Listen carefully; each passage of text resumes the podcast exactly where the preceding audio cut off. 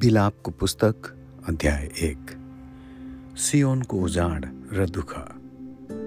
मानिसहरूले भरिएको सहर। अब कस्तो सुनसान भयो। त्यो त एक विधवा जस्तो भएको छ जो एकपल्ट जाति जातिहरूमा महान र प्रदेशहरूमा राजकुमारी जस्तै थियो। अब त्यो दासत्वमा परेको सहर भएको छ। रातभरि त्यो धुरु धुरु रुन्छ। त्यसका गालामा आँसु बगिरहन्छन्। त्यसका सबै प्रियहरूमध्ये त्यसलाई सान्त्वना दिने कोही पनि छैन। त्यसका सबै मित्रहरूले त्यसलाई धोका दिएका छन् र तिनीहरू त्यसका बैरीहरू बनेका छन्। दुःख र कठोर दासत्वपछि यहुदा प्रवास लगियो। अब त्यो अन्य जातिहरूका बीचमा रहन्छ। त्यसले कुनै विश्रामको स्थान पाउँदैन। त्यसलाई खेदो गर्नेहरू सबैले दुःखको बीचमा त्यसलाई पक्रेका छन्। सियोन जाने बाटोहरूले बिलाप गरिरहेका छन्।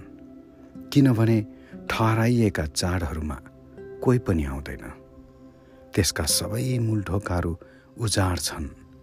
त्यसका पुजारीहरू सुस्केर मार्दछन्। त्यसका कुमारीहरू दुखित छन्। अनि त्यो कठोर वेदनामा छ। त्यसका शत्रुहरू त्यसका मालिक भएका छन्। त्यसका विरोधीहरू आराममा छन्।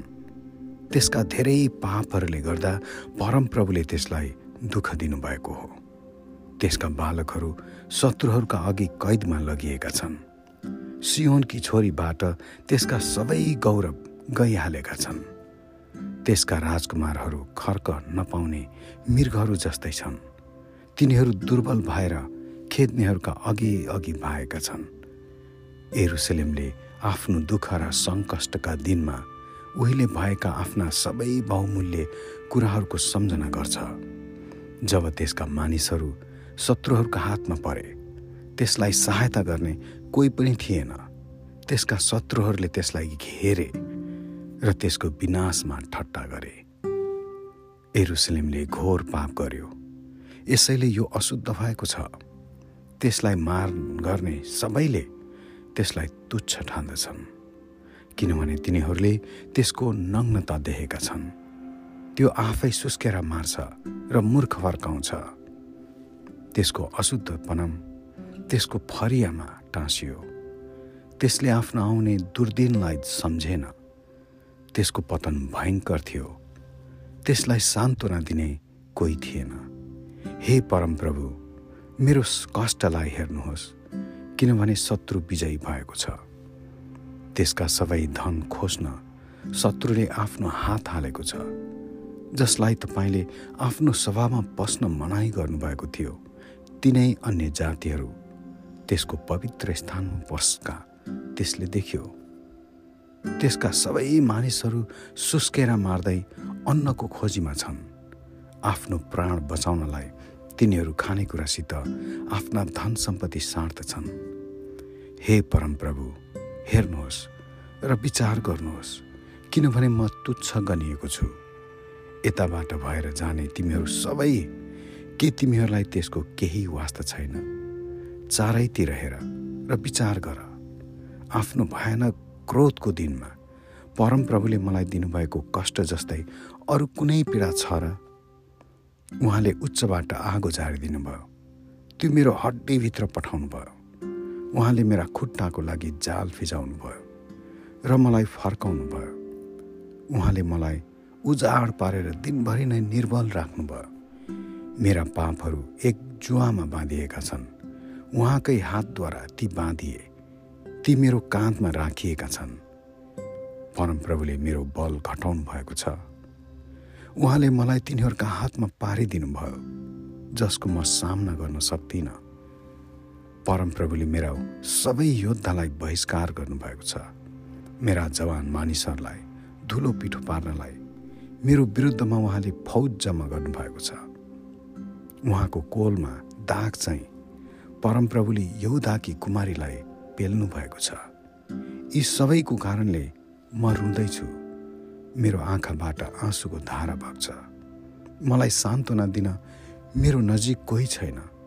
मेरो आत्मा पुनर्जीवित गराउने कोही छैन। मेरा बालकहरू बेसहारा छन्। किनभने शत्रु प्रबल भएको छ। सियोन बिन्ती गर्नलाई आफ्नो हात पसार्छ तर त्यसलाई सान्त्वना दिने कोही छैन। परमप्रभुले याकुबको विरुद्धमा त्यसका छिमेकीहरू त्यसका शत्रु हुन् भनी हुकुम गर्नुभएको छ। तिनीहरूका बीचमा एरुसेलम एक अशुद्ध थोक भएको छ। परमप्रभु धर्मी हुनुहुन्छ। तरै पनि म उहाँको विरुद्धमा बाघी भएको थिएँ। हे सबै जातिहरू सुन र मेरो कष्टलाई हेर।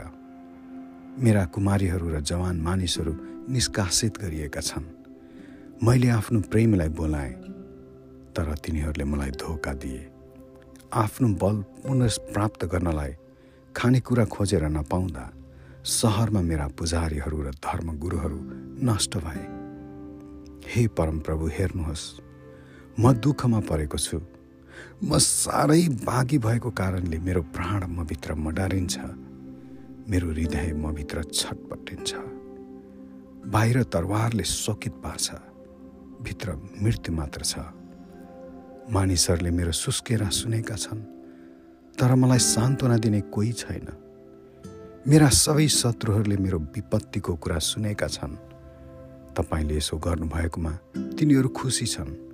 तपाईँले घोषणा गर्नुभएको दिन ल्याउनुहोस् र तिनीहरू पनि म जस्तै हुन् तिनीहरूका सबै दुःख दुष्ट कामहरू तपाईँको सामुन्य आओस्। अनि मेरा सबै पापहरूको कारण मलाई गर्नुभए चाहिँ तिनीहरूमाथि पनि त्यस्तै व्यवहार गर्नुहोस्। म धेरै सुस्केर मार्दछु अनि मेरो मन निर्बल छ। आमेन।